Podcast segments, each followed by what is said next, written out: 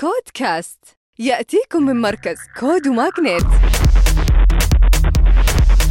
مع طارق الجاسر. ونبدأ في نشرتنا الأسبوعية لريادة الأعمال، أول شيء كل عام وأنتم بخير بمناسبة عيد الفطر المبارك، الله يعيد علينا وعليكم.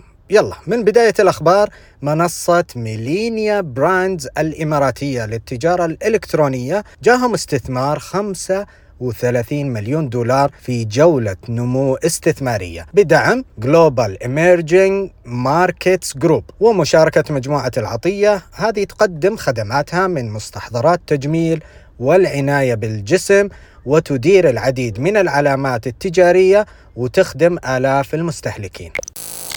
أما شركة Rology المصرية للتقنية الصحية تغلق جولة تمويل pre-series A بقيادة Egypt Ventures بتعمل على مساعدة المرضى في الحصول على تشخيص دقيق بسرعة وتعمل على خدمة العديد من المستشفيات ومراكز الأشعة سواء في المدن أو المناطق الريفية ولم يتم الإفصاح عن قيمة الاستثمار. منصة هانيويل الأمريكية تخطط لاستثمار 200 مليون دولار في مصر للعمل في مجالات البتروكيماويات وإنتاج الوقود الأخضر لتموين الطائرات في مصر.